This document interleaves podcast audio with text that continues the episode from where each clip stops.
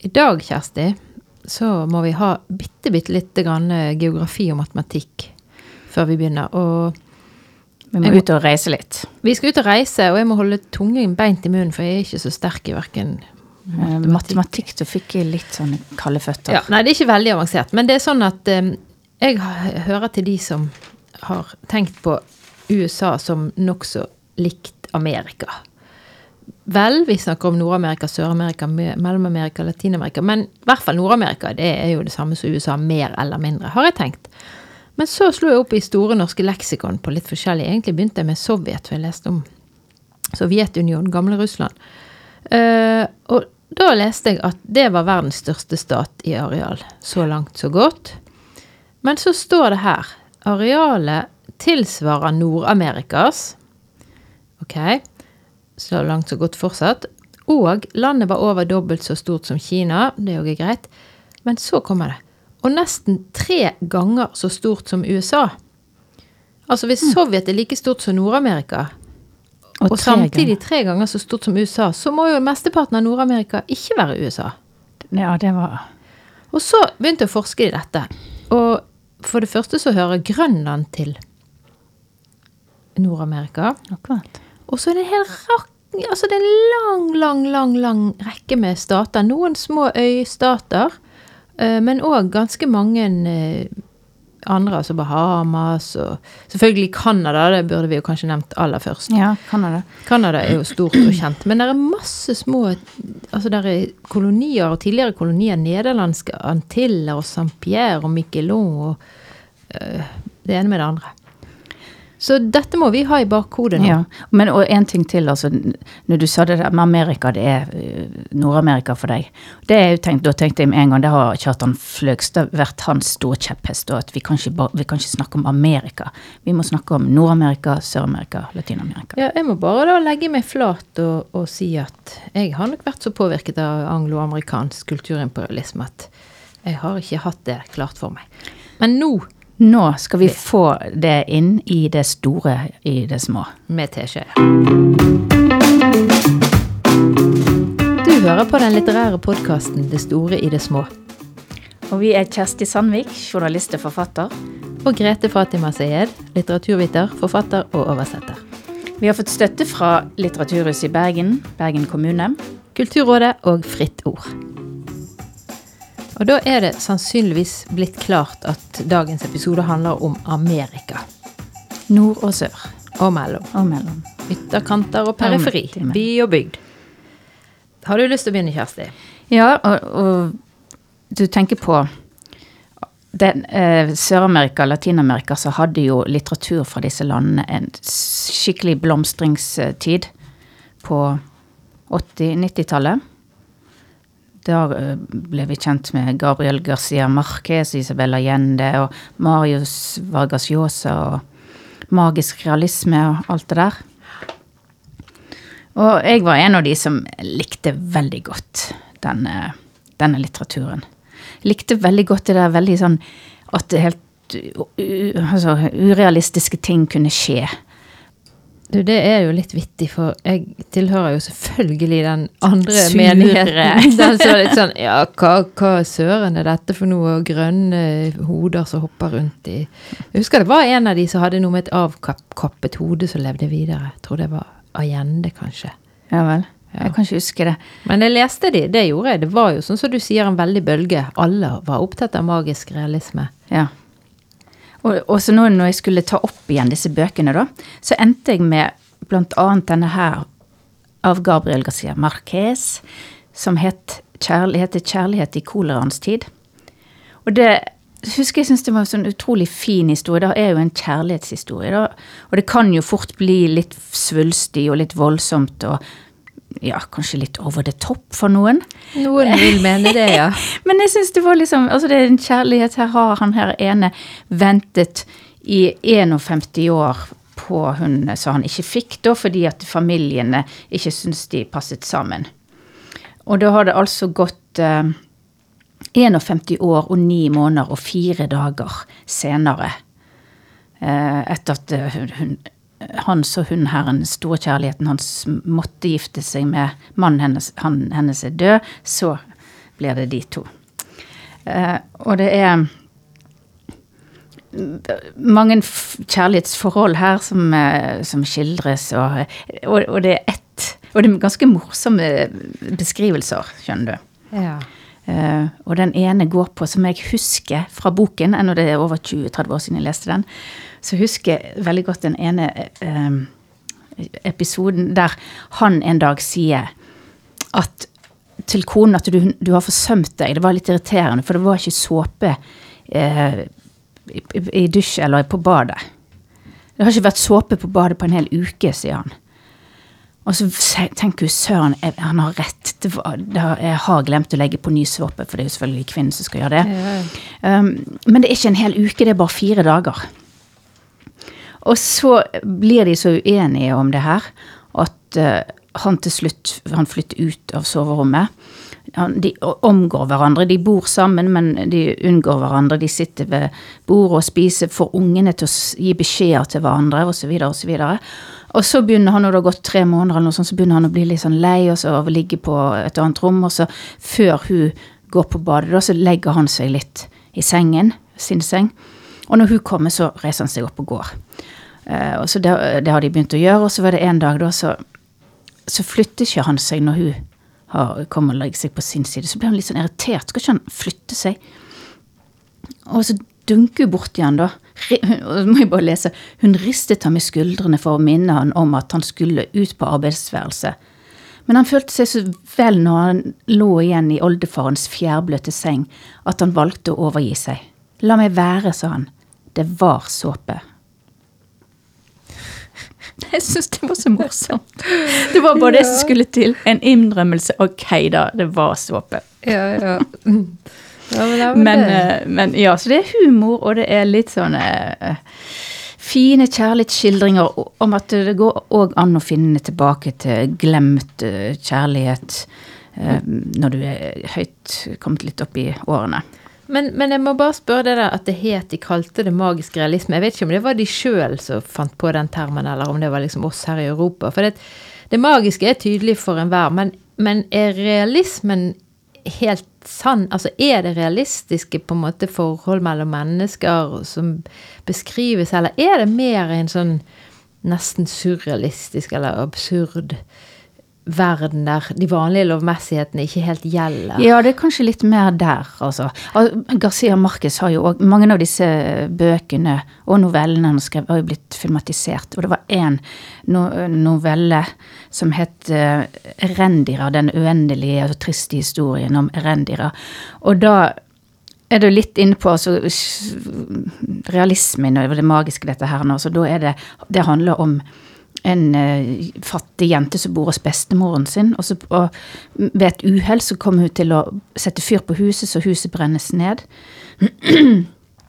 og da blir den der grusomme bestemoren hennes, da eh, utsetter hun, og så tar hun jenten med seg. Og eh, og, og, og gjør henne til en prostituert. Altså, jeg ser for meg denne filmen der du liksom hele tiden har en vindu du i et sånn ørkenaktig landskap, og så er det en lang kø av menn som skal inn til den der tenåringsjenten. Det er bestemoren som sitter der og tar penger. Sant? Så hun gjør henne om til en prostituert. Og, da, og det er jo en sånn novelle som kan eh, lese litt av Latin-Amerikas eh, triste historie. Ja. Altså, det er jo en historie med masse grusomme hendelser. Enormt masse. Altså, de drev jo det der med at de tok folk opp i fly og bare fløy utover havet og slapp de levende ut. Altså, det er jo Mange av disse statene har hatt de mest vanvittig ekle diktatorer. Oi, det har ikke jeg hørt om. Jo, jo, det, det tror jeg at jeg har lest hos Sigrun Slapka, for hun har Ja, hun har en veldig god bok om um, den som heter noe med jaguaren. Dette må vi fikse på Instagram og Facebook, så Ja. vi ikke slurver med titlene. Vi skal legge ut full tittel på Sigurd Slapka. Sigrun ja, Slapka, herregud. Men Men, den tenker- er veldig, veldig god og sterk, både på det personlige og du får masse av politisk historie. og Jeg tenker fra kolonitiden. Altså, de kom der. Og det, og det var jo så mye mineraler og gull der, og de lurte jo disse uh, Indianerstammene. ja, trill rundt. Ja. Men Og så er det jo flotte titler. Det skal til og med den surmagede meg være med på. 'Kjærlighet i colaens tid' har jo blitt spøkt så mye med, med cola og korona, selvfølgelig. Men er det han som òg har denne 'Ingen ringer til obersten'? Er Ja, ikke ja. det? Mm. det er jo veldig flott. Og igjen, altså mange av disse her har blitt uh, til film. Og det er veldig sånn stemningsfulle uh, filmer. Og så har jo Kjartan Fløgstad vært veldig opptatt av magisk realisme. Han har jo litt det sjøl på eh, sin Mm. Men har du mer du har, trykker, trykker det på hjerteroten nå, eller skal jeg Nei, ja, vi skal vi holde oss til det på den siden av Amerika, så kan jeg jo gå inn en kjapp tur innom Chile. Ja, gjør det. Og Isabella Gjende, det, det er jo- en sånn uh, gøy, sant? Det er ikke helt stuerent blant eh, akademia, tror jeg, å like eh, Ja, det er jo et pluss i så fall. Da liker jeg det med en gang mye bedre. men, men hun jeg, tror, jeg, jeg har jo ikke lest de siste bøkene hennes, men Åndenes hus, ja, kanskje Eva Luna og, og denne Paula, syns jeg var kjempegode bøker. Og Isabella Allende, hun var jo slekt med han eh, Salvador Allende som ble styrta. Han var en slektning av henne. Eh, Og eh, når, hun, når bestefaren hennes var, lå på dødsleiet, eh, 99 år gammel, hun bodde ikke i Chile da, så begynte hun å skrive brev til han, og det var det som ble utgangspunktet for Åndenes hus. Og der har hun i hvert fall sagt sjøl at hun levde i et sånn altså Hjemme hos de så var det sånn at de hadde kontakt med Ja. det overnaturlige i forhold til dette her med magi, hva som er magi, Ja, ja. og hva som er realisme. Men det skal jeg ikke være så sarkastisk mot. For det, dette har jo vi så vidt snakket om før, det her med at du hadde jo denne boken om trærne som kommuniserer med hverandre. Og det syns jeg er veldig fascinerende, for du skal jo ikke langt tilbake i vår historie heller, før du Tust og troll, og du måtte ikke hive kokende vann ut før du ropte varsku, for da kunne de underjordiske få det på seg og bli sint og sånn. Så det er jo litt spennende. Det ligger i flere kulturer, det, selvfølgelig. Ja. Så Det- da har, de, da har de tatt godt vare på det. Og så, og så var det litt med den der latinamerikanske boomen òg, altså på 1970-tallet. Det, ble skrevet mye, og det ble trykket bøker, og folk kom seg litt ut av fattigdommen, hadde råd til å kjøpe bøker og sånn. Så det var en sånn spennende historie i Latin-Amerika. Men tror du at i og med at det er et plaget kontinent på mange måter, da, at litteraturen har vært nærmere på en måte livet eller folket, det er jo sant? Det er lett å tenke på litteratur som noe støvtørt og akademisk, som du sier, men det er jo òg vi, vi synger, Alle synger jo nesten en sang av og til, eller har en strofe gående i bakhodet, og, og i vanskelige tider er jo det lett å tenke seg at da kan man òg trenge det som en trøst og Ja, det er Vise lett. håp, Ja, det vil jeg tro. At man trenger å høre andre lignende historier som sin egen. og Ja. Ja. Så den boken Paula, da, den er jo veldig fin i forhold til eh, Den er veldig selvbiografisk. altså Det var datteren til Isabella Gjende. Så som ble syk og falt i koma, og så lå hun lenge i koma da før hun døde. Og da begynte hun igjen å skrive brev til, til datteren. Um, så- så hun tar liksom med Chiles historie og Men det er utformet som brev? Nei da, det er utformet som Som en vanlig, jeg håper Ja. Og nå synes jeg vanlig roman? alle disse bøkene Kanskje vi kan ha en konkurranse. Hva er verdens vanligste roman? Nei da. Men alle disse bøkene som vi kjøpte for 20-30 år siden, de har så liten skrift. Det er noe Ja, det er sant. Men nå er det noe pinadø noen som har for stor skrift, og de der engelske paperbacksene som er liksom i svært format og 400 sider. ja, så det blir for det er veldig rart. rart. Ja, så den, eh, sant, du kom innom militærkuppet i Chile og liksom hele tragedien til hele det landet og nasjonen, og ikke bare ikke, altså, knyttet opp mot den familie, familietragedien som det er å, å miste et barn. Så, så der var hun på sin høgd. Ja, da tenker jeg på Joan Didion, når du sier med det med miste barn. Hun har jo to veldig sterke historier i mer sånn essay- eller memoarsjanger om når hun mistet mannen og når hun mistet datteren. Men eh, jeg har jo en hel bunke med bøker her. Jeg vet ikke om jeg kommer gjennom halvparten engang. Men eh, eh, det du sa med å la seg overføre til andre medier, det gjelder jo i hvert fall for en som ligger øverst her, som òg har veldig fine titler. Nemlig Carson McCullers, som har vært tatt til scenen flere ganger. Og eh, eh, jeg så en forestilling i New York når jeg var i New York med, der Susanne Vega lagde en forestilling både om livet og tekstene. til Carson McCullers. Og det, var helt absurd, for jeg traff, ble, kom i snakk med en i køen inn som hadde en mann som hadde studert eller kjent hun Susanne Vega eh, som ung. Så når vi sto på fortauet etterpå, så kom hun ut. Og jeg har aldri vært så starstruck i hele mitt liv. Men det er noe så. Men Carson McCullers Men hvem er det er en, Hun er fra Georgia, eller var fra Georgia. Hun levde ikke særlig lenge. Hun fikk flere slag allerede før hun fylte 30. Jeg tror hun hadde hatt en hel haug med slag. Um, og uh, hun ble vel 50 år, døde i 1967.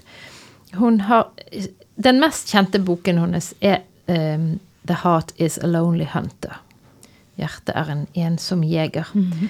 Og så har hun 'The Ballad of the Sad Café' og 'The Member of the Wedding', som er den jeg leste sist og husker veldig, veldig godt. Det er noe med den stemningen, altså det varme, det er litt sånn sørstatene i USA. Det er trykkende både utenpå og inni. Altså det er mye Det er liksom mye som dirrer. Og så skriver han ofte om barn eller eh, barn som er på, på, randen til å bli ungdommer, eller puberteten og, og voksenlivet, som er har noe sånn ofte androgynt over seg. Og det gjenspeiler helt sikkert hun sjøl. Hun var jo gift og skilt flere ganger og hadde visstnok også forhold til kvinner. Hun var til og med gift to ganger med samme mannen. mm. på ett punkt. Men hun eh, eh, Hun har en sånn eh, nerve, er vel ordet. Uansett hvem hun forteller om denne her eh, The Ballad of the Sad Café, det vel som begynner med et sånn rart vennskap mellom en, en eh, døv mann og en vanlig mann, holdt jeg på å si. Den ene er tjukk og liten, og den andre er høy og tynn. Og, og det er sånne absurde karakterer og skikkelser. Og så er det denne kafeen som folk kommer og går, og det Og så er det et barn eller en ung jente som nesten ser ut som en gutt som røyker sigaretter, og er egentlig altfor ut, utsatt og sårbar. Det her sårbare barnet. Som er ja, det forsømte barnet, og det det sansende barnet som jeg tar inn så mye. Så det er en Jeg skal ikke si om det er typisk, en typisk amerikansk bok, for det er noe så mye, men, men i hvert fall når det gjelder sørstatene og, og den her ofte Sånn som så Tennessee Williams har jo òg det her trykkene på i sørstatene. At det, det, er mye Det er både sosiale skiller, og det er Men den er liksom i nåtidshandlingen? Ja da, dette foregår. Den The Ballad of the Sad Café begynner rett og slett med å beskrive byen, som hun kaller det, da, i presens. Og det virker som det er ganske sånn ja, Jeg skal ikke si akkurat hvor tid det er lagt, for det er jo sånn, sånn som jeg er så dårlig på med årstall og sånn. Men uh, det, det, er veldig, veldig fine, fine bøker. Mm -hmm. Og så har jeg um, sa jeg at hun også skrev mange noveller. Det gjorde hun. Veldig gode. Og, og, en som også skrev gode noveller, det var jo den, Hemingway. Ja. Den mest kjente av de aller mest kjente. Hemingway. Og uh, selv om det nå er Amerika som er temaet vårt, så er nok mine to yndlings-Hemingway-noveller satt henholdsvis i Spania og Italia. Og det er den som heter 'Hills Like White Elephants' i Spania. Kjenner du til den? Ja, ja altså, jeg har jo lest Hemingway for lenge siden, som det, mange andre sikkert. Det, ja, og han er jo, har jo virkelig enormt mange. Jeg skal si at noen av de andre som jeg liker veldig godt, det er jo de som er satt i Afrika. Den der uh, The Short Happy Life of Francis McComber og sånn. Men, men de er litt lengre. Disse to som jeg tenker på i dag er helt korte. 'Hills Like White Elephants' handler om et par som venter på toget på en trykkende heit spansk jernbanestasjon i mm. middle of nowhere. Ja, ja, Det ringer en bjelle. Det ringer en bjelle, ja. Og så snakker de om noe it, da, som aldri blir sagt, men som mm. du skjønner etter mm. hvert er en om hun skal ta abort. Ja. Og det er bare sånn det ja, de omtaler det bare som it, eller mm. det. Det, mm. det, er en bagatell, sier han. Bare, de bare slipper litt luft inn og sånn. Og så er den fantastiske replikken når hun på et punkt sier Will you please, please, please, please, please, please, please, please, please, please stop talking? Mm. Jeg tror hun sier det elleve ganger. Mm. Men den er jeg veldig glad i. Og så er jeg veldig glad i den som heter Cat in the Rain, som uh, utspiller seg i Genova, hvis ikke jeg tar mye feil, i hvert fall i Italia, på et hotell, som også er et par, der eh, mannen vel er litt eldre enn kvinnen, og der det også er en misnøye eh, som ligger og dirrer under det hele. Ja.